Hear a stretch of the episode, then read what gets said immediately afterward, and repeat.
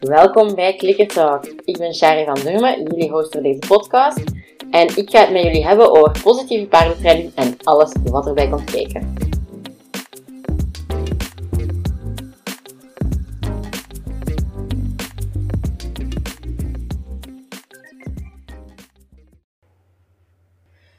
Welkom bij een nieuwe week van Clicker Talk. De lente is nu bezig.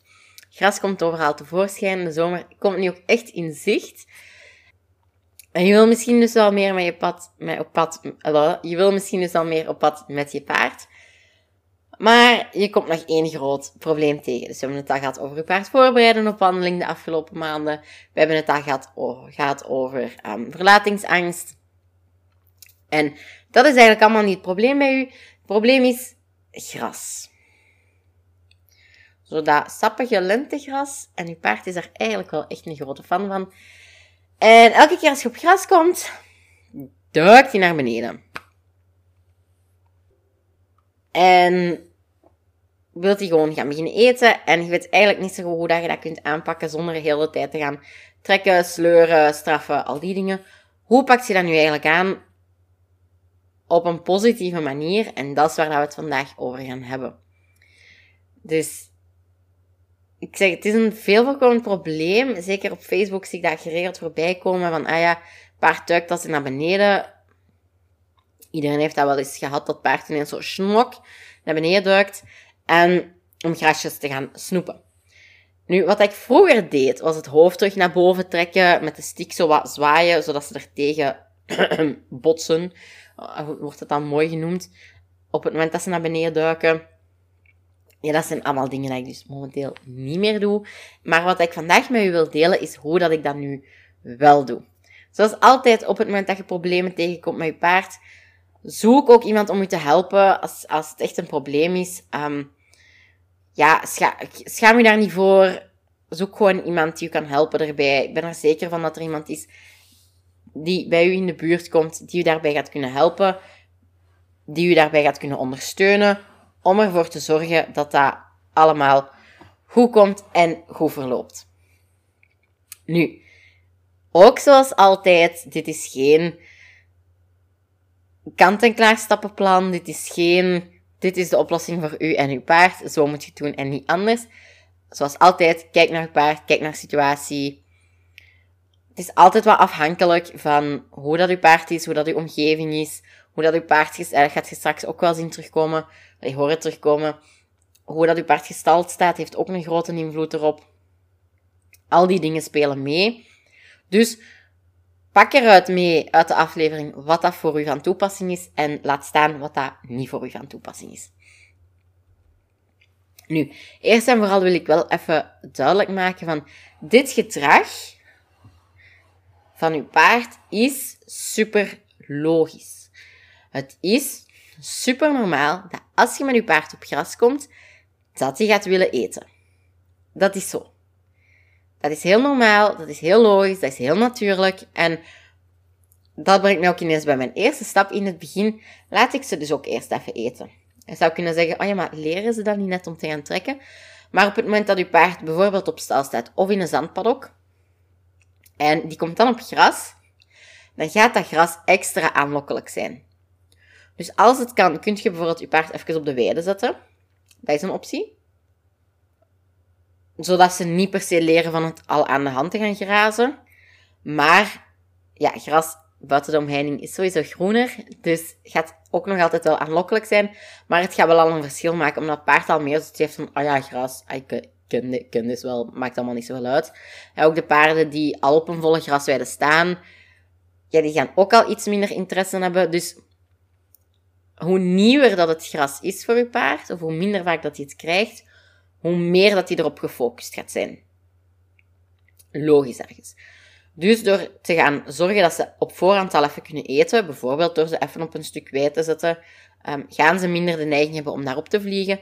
Maar je kunt dus ook zeggen, oké, we gaan nu naar buiten. Ik ga hem eerst even laten eten voordat je er eigenlijk mee verder gaat. Dat kan ook. En mijn tweede tip is, zorg dat je als beloning iets hebt dat hoog genoeg is van waarde. En gras is natuurlijk een hele sterke bekrachtiger om tegen te gaan moeten vechten. Elke keer dat ze naar beneden duiken en dat ze een hap kunnen nemen, zijn ze hun eigen aan het belonen. Dat is gewoon zo. Daar kun je niet onderuit. Dus, dan moet je ervoor zorgen dat je tegenbeloning ook wel lekker genoeg is. Met gewoon hooi komt je er misschien niet. Ik ben wel nog altijd van om je beloning uiteindelijk in zo'n laag mogelijke, een laag mogelijke waarde te blijven geven. Dus dat je niet het lekkerste van het lekkerste gaat bovenhalen, maar het moet wel gewoon lekker genoeg zijn voor je paard om de moeite te zijn om het gras wat te gaan laten staan. En waar dat hooi misschien in de piste wel werkt, gaat dat voor buiten op gras misschien niet lekker genoeg zijn. En gaat dus zoiets hebben, ja maar ja, voor dat hooi, dan eet ik wel gras. Dus het kan zijn dat je je beloning ook wat gaat moeten aanpassen. Opnieuw, zoek een beetje wat dat werkt op gras, wat dat niet werkt op gras. En vaak gaat je na een tijdje, naarmate je paard het zo wat kent, um, want je gaat zien, we gaan niet op die manier werken dat hij niks van gras kan eten. Hij gaat leren dat, dat hij echt wel tussendoor nog gras krijgt, dat dat wel komt. Um, dan gaat je ook wel je ja, lekkerheid of je waarde in je beloning ook wat kunnen afbouwen, omdat je paard ook wel leert van, ah, dat gras komt wel. Dat brengt mij bij mijn derde tip. Bouw het op. Maar ik ben nogal uh, snel aan het gaan vandaag. Um, dus bouw het op. Ga niet ineens een uur wandelen en verwacht dat je paard dan een uur van dat gras afblijft. Ga niet vijf minuten op gras gewoon stilstaan en verwachten dat je paard van het gras afblijft. Dat gaat heel moeilijk zijn. Je begint met een halve minuut, drie kwart minuut, misschien zelfs nog minder. Um, en je gaat zo eigenlijk opbouwen en gaat zorgen dat jij eigenlijk signaal geeft om te gaan grazen, dat ze mogen eten voordat ze zelf naar beneden duiken. Dus als ze zelf naar beneden duiken, gaan we dat ook niet afstraffen. Dus het is niet per se slecht in de zin van we gaan het corrigeren of zo, dat gaan we niet doen. Maar dan weet je dat je eigenlijk te snel aan het gaan bent. Dus dat je paard. We willen eigenlijk gaan voorkomen dat het paard de nood voelt om zelf naar beneden te gaan duiken. Dus wat gaan we doen? We gaan kijken van we onze stukjes kort genoeg, we gaan zorgen dat onze, onze stukjes kort genoeg zijn, zodat het paard niet de neiging heeft om te willen gaan eten. Dat het paard niet de neiging heeft om te willen naar beneden duiken. Want op het moment dat hij voelt, ik moet naar beneden duiken om gras te gaan eten, want ik wil echt gras, is teken dat we eigenlijk ons stukje training iets te lang hebben gemaakt. We willen dat moment voor zijn zodat het paard leert van, ah ja, het gras komt wel. Zoals ik daarnet al zei. Het gras komt wel. No worries. All is good. Dat is eigenlijk wat we willen bereiken. En hoe ik dat dan doe, is ik ga ze even laten targeten. En dan ga ik zeggen, vlak na mijn laatste klik, oké, okay, graas maar. En naar beneden wijzen. En dan mogen ze gaan eten. Dat targeten is in een super speedy tempo. Dat je zegt, touch, click, beloon, touch, click, beloon. Tjak, tjak, tjak, tjak, tjak, tjak, tjak heel snel, zodat die rate of reinforcement heel hoog ligt en dat ze bijna niet de kans hebben om te gaan denken, oeh, hier is gras. Dus ik ga bijvoorbeeld vijf keer vragen om te targeten en dan mogen ze gaan eten. Dat is genoeg. Misschien dat zelfs de eerste keer maar twee keer gaat zijn. Gaat er een beetje van afhangen wat dat het paard doet, hoe dat het paard er, ermee allee, zich voelt. Um, maar van daaruit gaan we eigenlijk uitbreiden. Dus waarom dat targeten? Omdat gewoon stilstaan ja, dan staat je paard er ook maar een beetje te staan en dan gaat hij veel sneller geneigd zijn om te willen gaan grazen. Dat targeten geeft hem sturing, dat geeft hem een bezigheid, dat geeft hem iets om te doen. En, zoals hè, ik ook in de aflevering over verlatingsangst zei, targeten op zich heeft vaak ook een hele sterke positieve associatie. Dus, niet grazen wordt niet gewoon niet grazen, dat wordt tegelijk ook wel iets leuk doen. En dat is ook wel belangrijk, dat dat van het gras afblijven ook leuk genoeg is. Dat dat van het gras afblijven ook iets is wat dat voor hun moeite is. Want als dat niet zo is, ja, dan gaat je... Ja, hoe moet ik het zeggen? Als het niet de moeite is om van het gras af te blijven, ja, waarom zouden ze het dan doen? En je kunt het de moeite maken door oftewel je gras stom te maken, door bijvoorbeeld, zoals ik zei met de trainingsstick zo wat te gaan zwaaien, dat dat tegen hun neus botst door te gaan trekken en sleuren, door ze elke keer als ze willen gaan eten hun voeten te laten bewegen. Maar uiteindelijk maakt je niet grazen daardoor niet leuk. Niet, wacht, nu moet ik even denken wat ik zeg. Daardoor maakt je uiteindelijk grazen, niet grazen, niet leuker. En dat is wel wat dat wij gaan doen. Wij willen eigenlijk focussen op het niet grazen ook de moeite maken, ook leuk genoeg maken voor het paard, zodat grazen niet meer de enige leuke optie is dat er is. Nu, Target, ik heb al gezegd, dat geeft bezigheid, maar anderzijds is dat ook een hele fijne manier om je paard zijn aandacht te vragen en te gaan vragen om te stoppen met eten, zonder dat je heel veel druk moet gaan zetten. Dus je gaat eigenlijk een target aanbieden. En ik zeg altijd eerst let op, want ze zijn aan het eten. Ik heb dat al gemerkt, als je direct je target gaat aanbieden en ja, dan zijn ze niet altijd voorbereid. Als je altijd let op zegt, dan weten ze, ah oké, nu gaan we terug gaan beginnen. En dan kan hij nog rustig zijn hap afmaken. En dan moet hij niet halverwege zijn hap eigenlijk ja, stoppen. Dus daarom die let op is eigenlijk gewoon een beetje een waarschuwingssignaal van kijk, we gaan direct terug beginnen. Neem nog een hap, maar dan weet je dat we bijna gaan beginnen. Voor jezelf ook, geef je cue niet op het moment dat je merkt van, ja, nu gaat hem nooit reageren. Zet jezelf en je paard op voor succes. Geef je cue door je target aan te bieden op een moment dat je merkt van, oké, nu is er wel een kans dat hij gaat reageren. Bijvoorbeeld als hij net een hap heeft genomen en aan het kauwen is, dan kun je bijvoorbeeld ook een target vragen, want dan is de kans al groter dat hij gaat reageren dan wanneer dat hij net op weg is om een hap te nemen. Dus ook daar, kijk een beetje naar het moment wanneer dat je het aanbiedt. Um, dus ik zeg, let op, ik bied de target aan. Ik ga eventueel met mijn hand ook een keer over de lead rope gaan bij paarden die iets minder geneigd zijn om te reageren op voice cues. Um, ga ik bijvoorbeeld mijn hand niet trekken of zo, geen druk zetten, hè, maar gewoon mijn hand er een keer over wrijven, dat ze voelen dat dat touw beweegt en dat dat ook weer een signaal is, ah, oké, we gaan bijna terug beginnen. Dus totaal niet op een aversieve manier.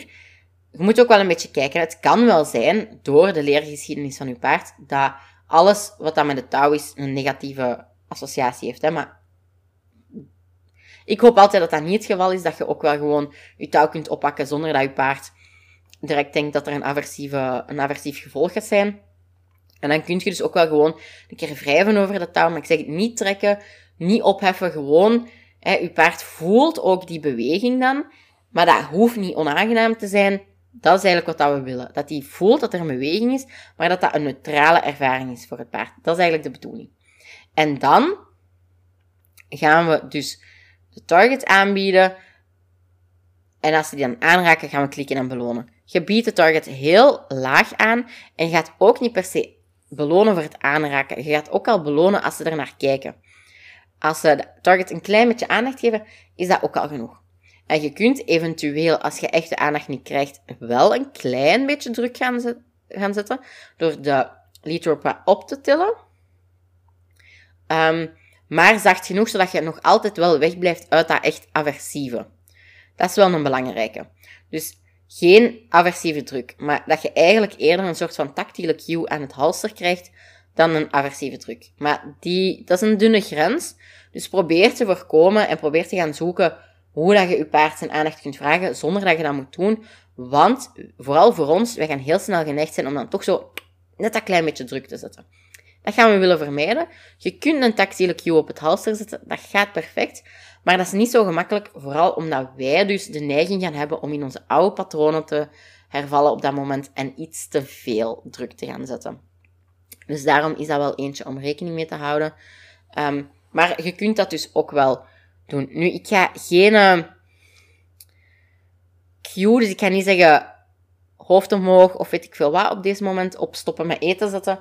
Ehm, of we gaan door of wat dan ook, omdat je je paard daar niet opzet voor succes. In het begin heeft je paard niet door wat dat je eigenlijk van hem wilt.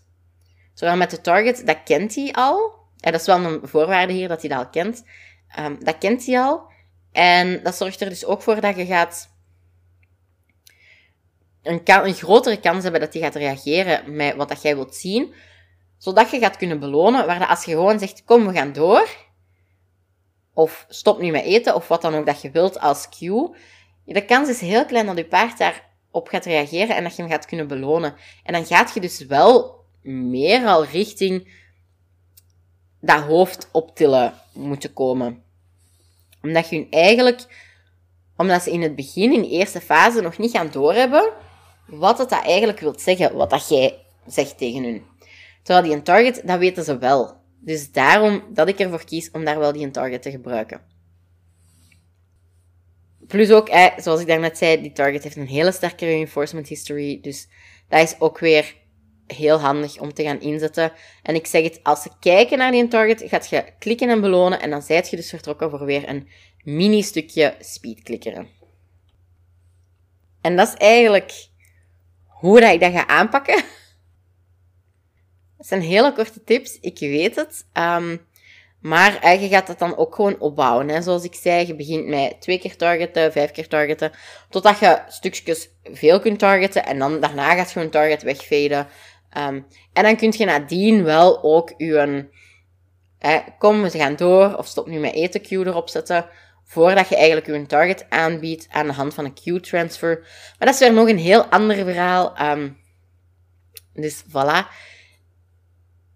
dat was in het kort dus hoe dat ik deze aanpak. Maar ik zeg het zoals altijd, kijk naar uw paard. Pas daar uw training en uw trainingsplan op aan. Kijk ook wel naar uw omgeving. Wat is er mogelijk? Als jij een hele... Ik heb bijvoorbeeld één lesklant en dat is zalig. Die, die haar weide ligt eigenlijk achter huizen. Dat is dan voor, voordeel van de typische lintbebouwing hier in België. Die haar weide ligt achter huizen. En naast haar weide is er nog een weide, maar daartussen is echt zo'n padje. Dus die heeft een heel pad aan gras voordat hij op een kruispunt komt. En dat is dan nog een kruispunt van veldwegjes. En dan heeft ze nog een heel pad tot aan de straat voordat ze eigenlijk effectief mensen of auto's gaat tegenkomen. Dus die kan heel gemakkelijk die grastraining gaan toepassen. Het paard kan daar heel ontspannen zijn. Dus dat is eigenlijk een ideale situatie voor zoiets te doen. Maar hou het in kleine stapjes, bouw dat op, ga niet te snel. Ik zeg het, het is super normaal gedrag voor paarden om gras te gaan willen eten. Dat is super zelfbelonend. Dus het is ook een hele moeilijke om gewoon te gaan... Ja, hoe moet ik het zeggen? Om gewoon te gaan afleren. Omdat je, kunt dat gewoon ook niet afleren. Hè? Paarden zijn graasdieren. Dus je kunt ook niet leren dat ze niet mogen grazen. Maar je kunt ze wel leren van, kijk, nu gaan we het wel doen. Nu gaan we het niet doen. En dan gaan we eigenlijk ervoor zorgen dat grazen, ja, niet grazen belonend is en niet gewoon wel grazen vervelend, zoals ik het dus vroeger deed. Dus ondanks dat het een hele korte aflevering is, hoop ik dat je het toch een beetje een nuttige aflevering vond, dat je ermee aan de slag kunt gaan. En uiteindelijk, het is gewoon zoals met alles, hè. Ik spendeer heel veel tijd in mijn uitleg aan het begin. Maar een keer dat je begin hebt, zit je eigenlijk vertrokken. En het moeilijkste vind ik in, in positieve bekrachtiging, vind ik eigenlijk u, ja, uw paard gaan opzetten voor succes.